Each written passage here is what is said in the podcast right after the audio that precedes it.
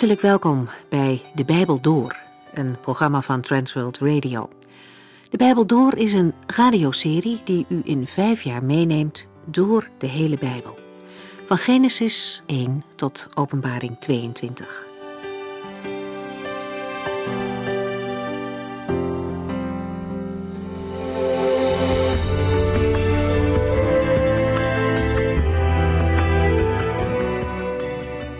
Ook vandaag lezen we verder in de Filippenzenbrief. Een brief vol met bemoedigingen en geloofslessen van de apostel Paulus. De vorige keer dachten we na over de versen 9 tot en met 13 uit het eerste hoofdstuk. Paulus vertelt daar eerst wat hij voor de Filippenzen bidt. Hij vraagt God dat hun liefde steeds meer zal overstromen, zodat ze een diep geloof en inzicht in de dingen van God krijgen. Hij verlangt ernaar dat zij christenen zullen zijn met diepgang. Mensen die God kennen en niet op afstand van Hem leven.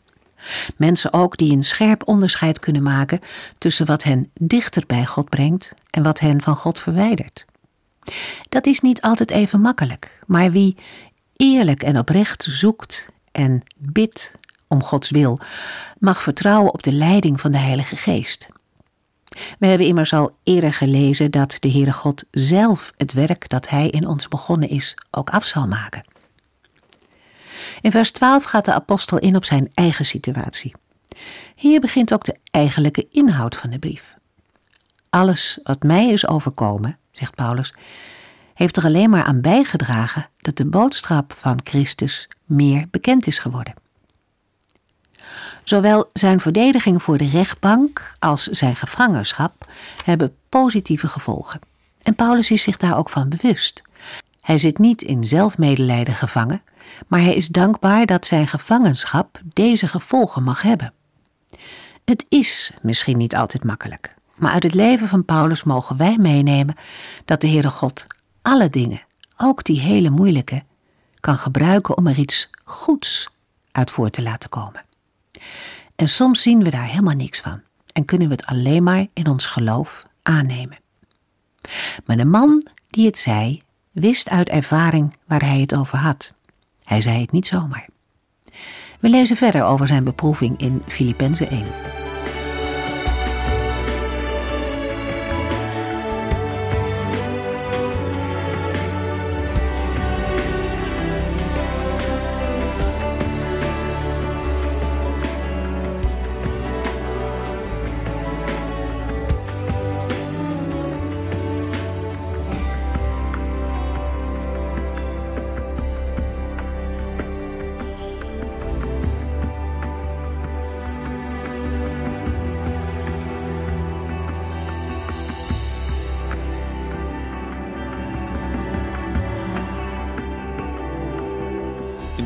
Uitzending heeft de apostel Paulus aan de Filippenzen geschreven dat het lijden dat hem om Christus wil is overkomen, juist ertoe heeft bijgedragen dat het goede nieuws over Jezus Christus beter bekend werd.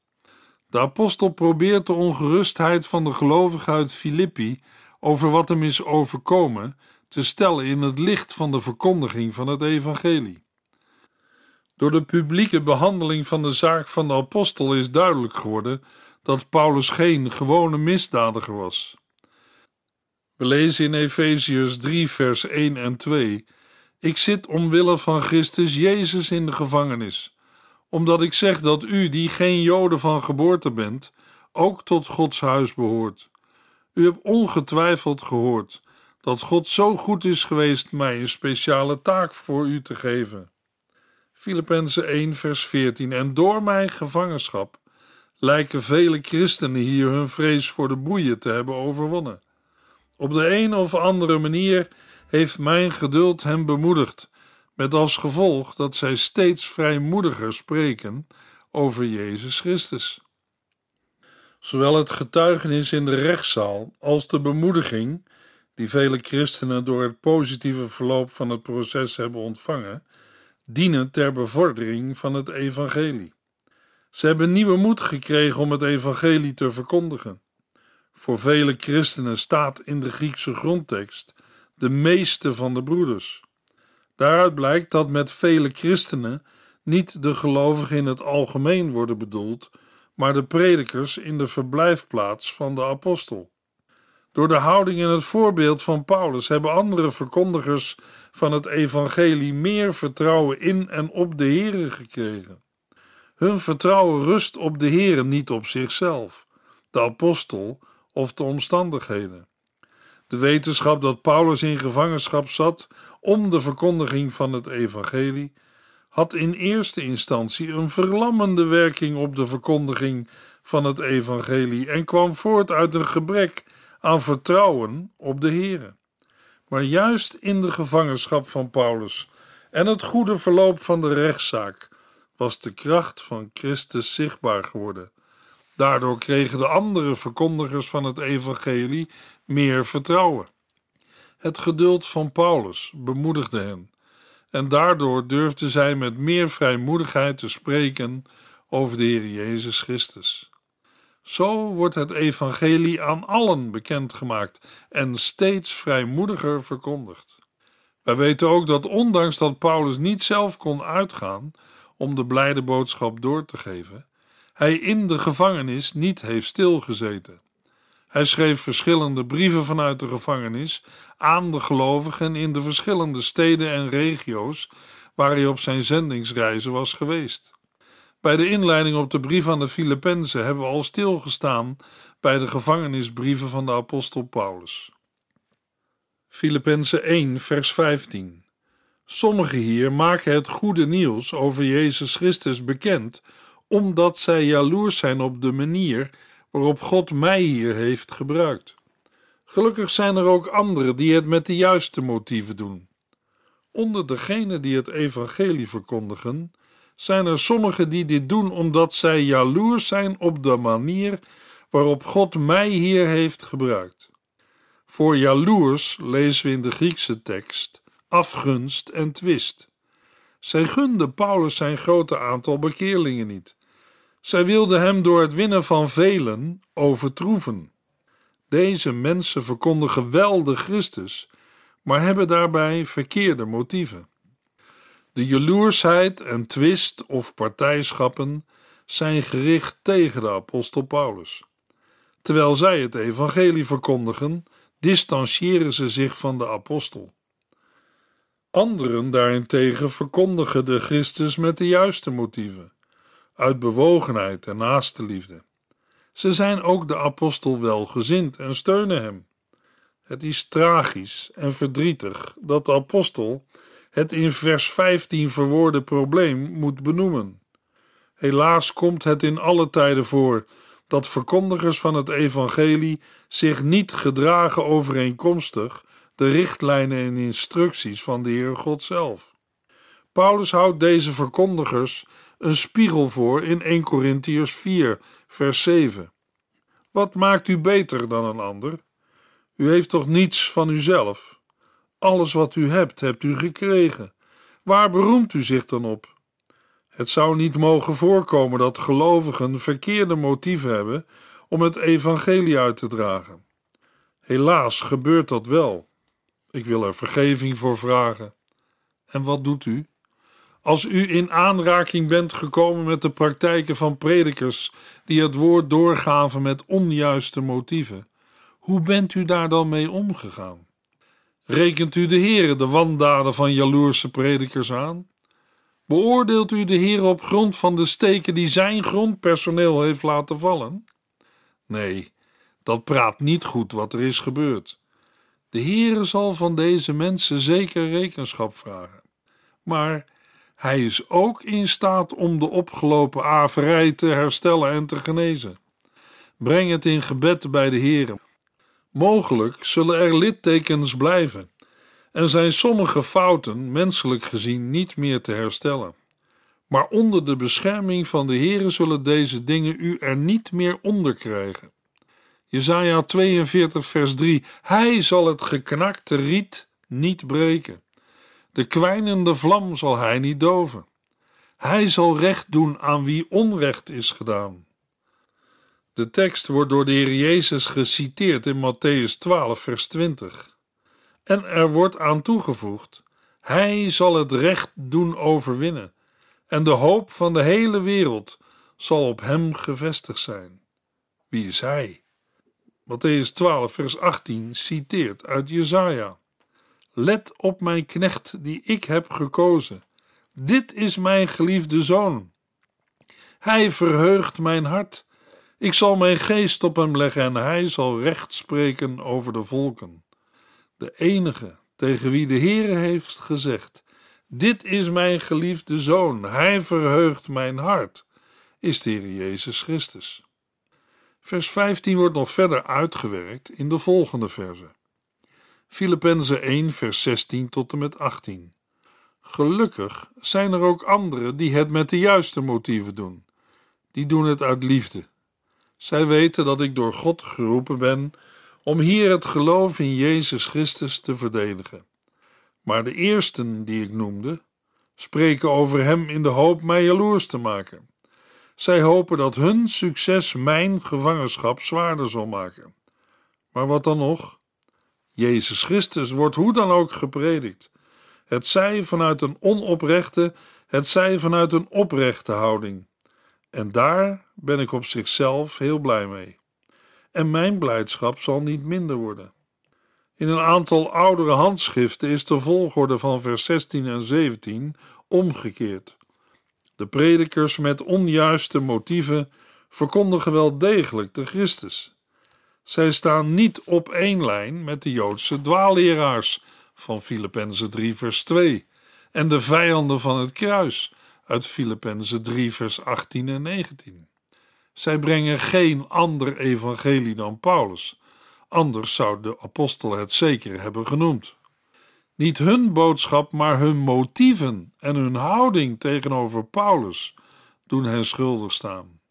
Hun prediking is gericht op hun eigen partij en op hun eigen eer, omdat ze uit zelfzucht en eigen belang het woord spreken.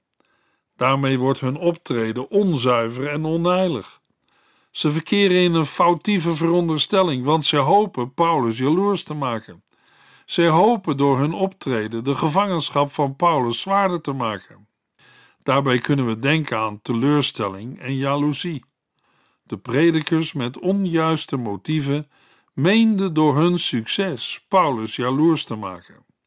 In vers 16 lezen we dat de gezindheid van de predikers die met de juiste motieven het goede nieuws over Jezus Christus bekendmaken, liefde is. Deze liefde slaat zowel op de liefde tot God als op de liefde die zij voor de apostel Paulus hebben. Zij weten waarom hij gevangen zit, namelijk tot verdediging van het geloof in Jezus Christus. Paulus ziet zijn gevangenschap en rechtszaak niet als een toeval of tegenslag, maar als een opdracht van de Heere. Paulus schrijft: Ik ben door God geroepen. Dat wijst op een goddelijke aanstelling voor deze opdracht. Paulus moest als dienstknecht van God voor de rechtbank getuigenis afleggen van het evangelie. Omdat de verkondigers met de juiste motieven dit weten en zich niet voor Paulus schamen, is hun prediking uit liefde. Het begin van vers 18, maar wat dan nog, is een uitroep van Paulus en betekent zoveel als: wat betekent dit nu?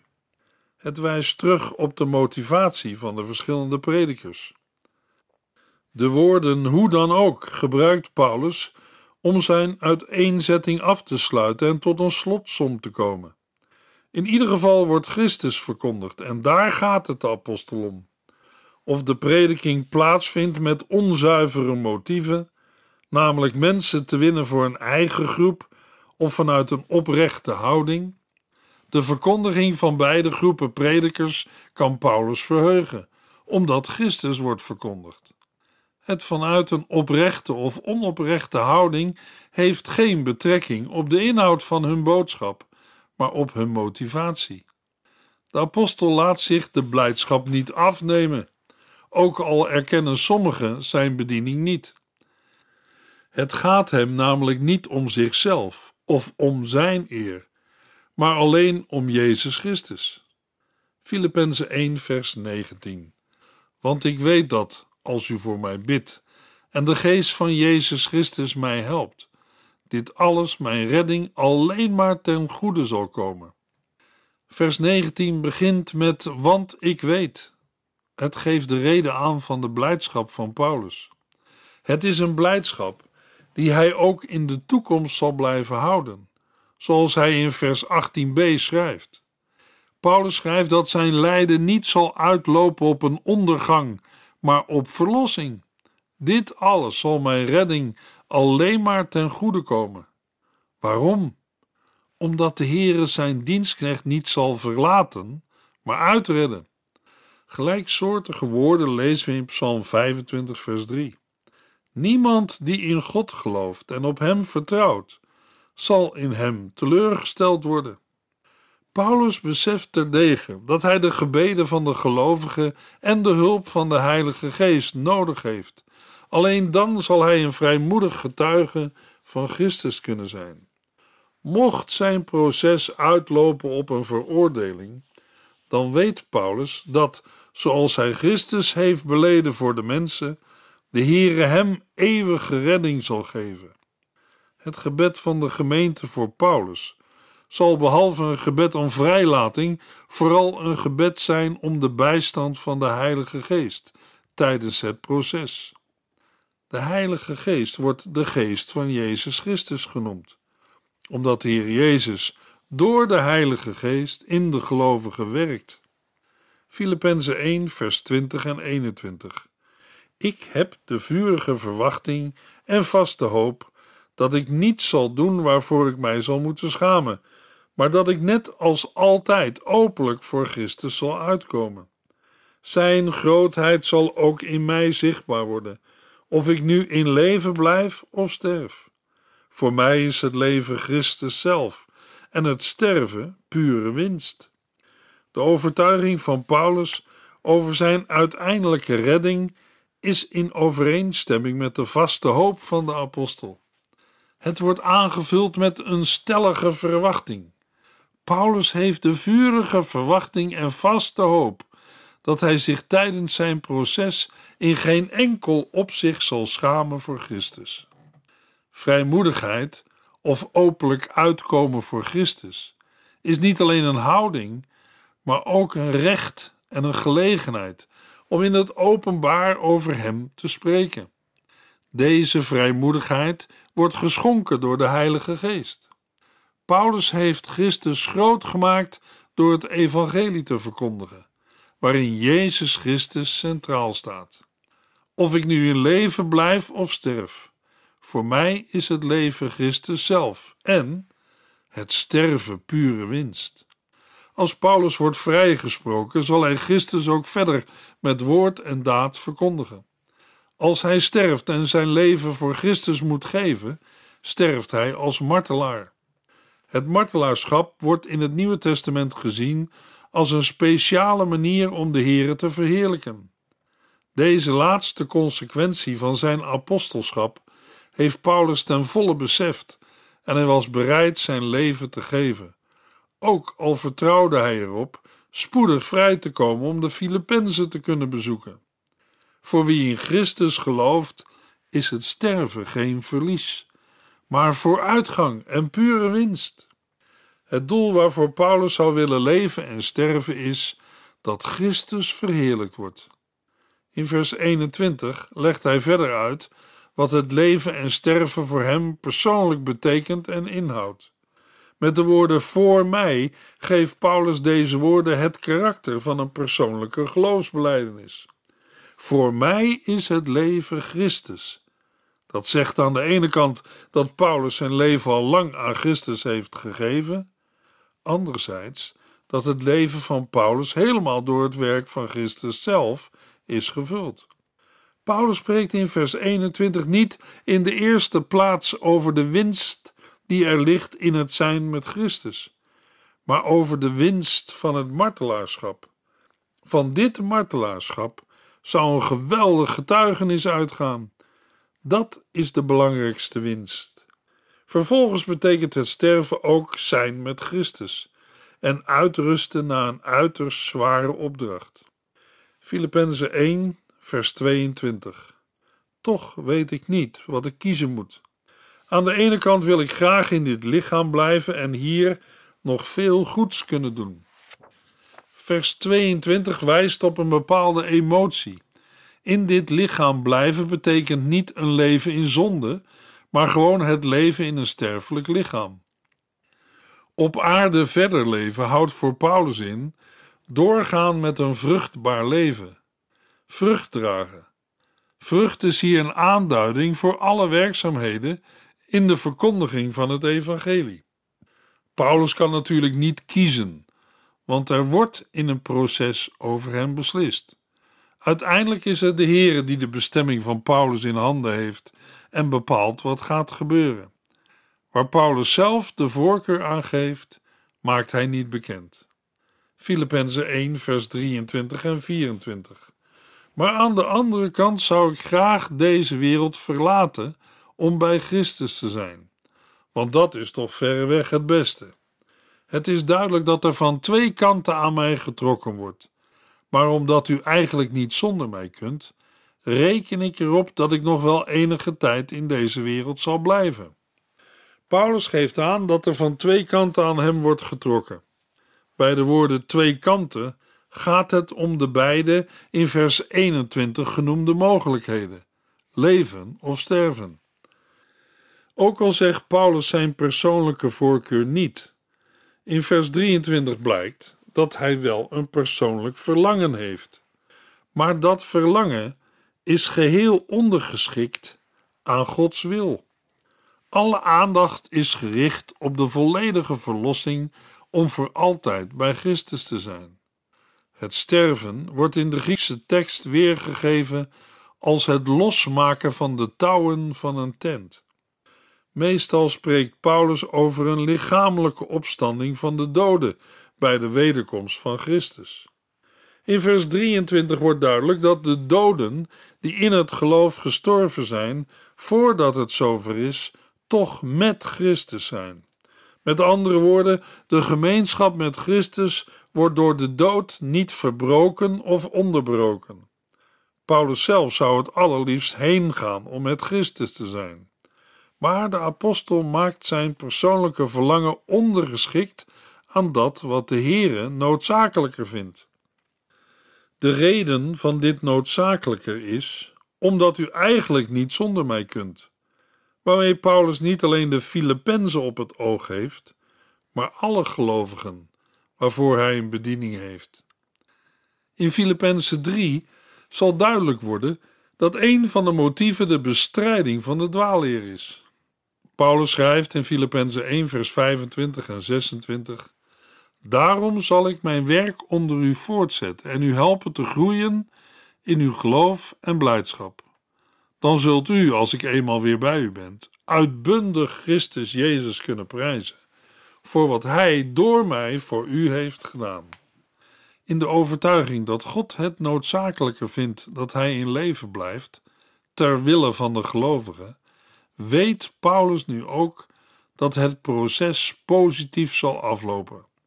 De geestelijke groei en de blijdschap van de Filippenzen moet zich nog verder ontwikkelen opdat zij uitbundig Christus Jezus kunnen prijzen voor wat Hij door mij voor u heeft gedaan.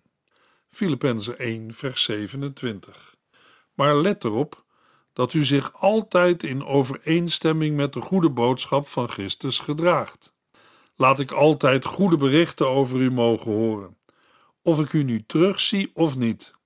Wees één van hart en ziel en zet u volledig in voor het geloof en het goede nieuws.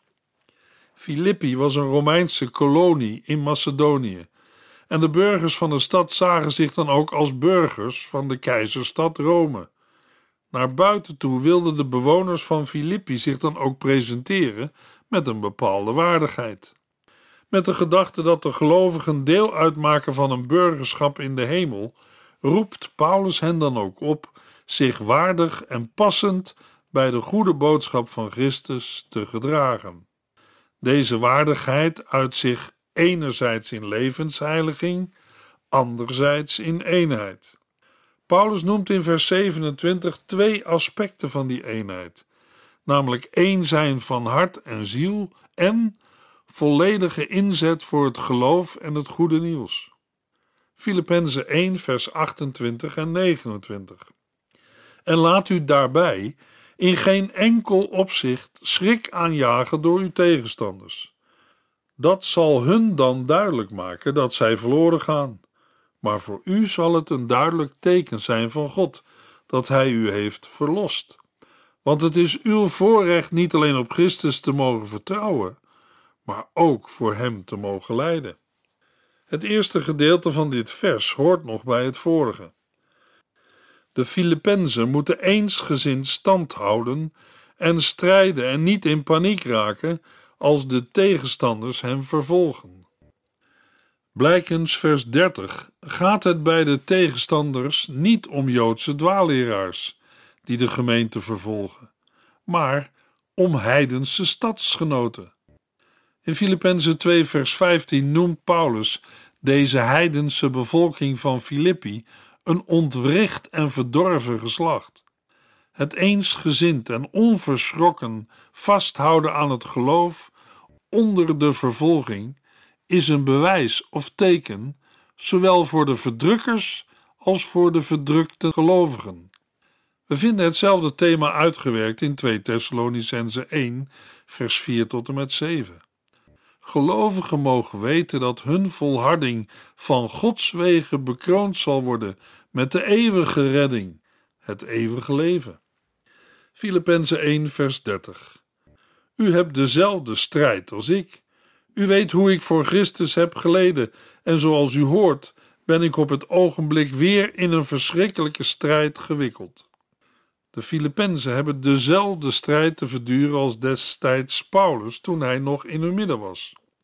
Ze waren toen getuigen van hoe Paulus in gevangenschap belediging en mishandeling onderging.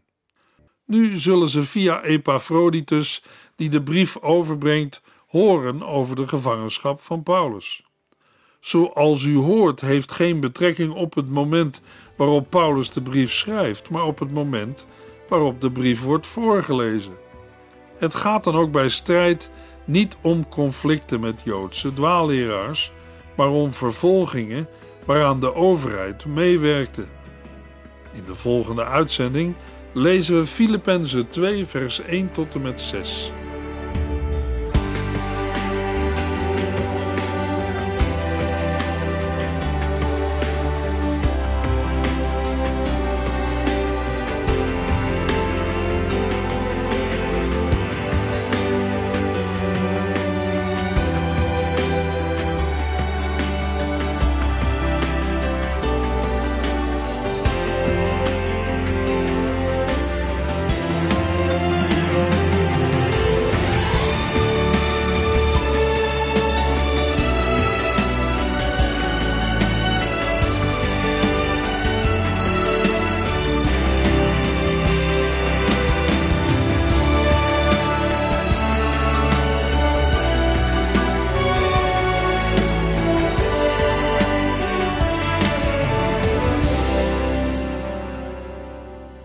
Geluisterd naar De Bijbel Door. In het Nederlands vertaald en bewerkt door Transworld Radio. Een programma waarin we in vijf jaar tijd de hele Bijbel doorgaan. Als u wilt reageren op deze uitzending of u heeft vragen, dan kunt u contact met ons opnemen. Tijdens kantooruren kunt u bellen op 0342 47 8432. 0342 47 8432. 32. Ook kunt u een e-mail sturen naar de Bijbel transworldradio.nl en natuurlijk kunt u ook via de post ons bereiken.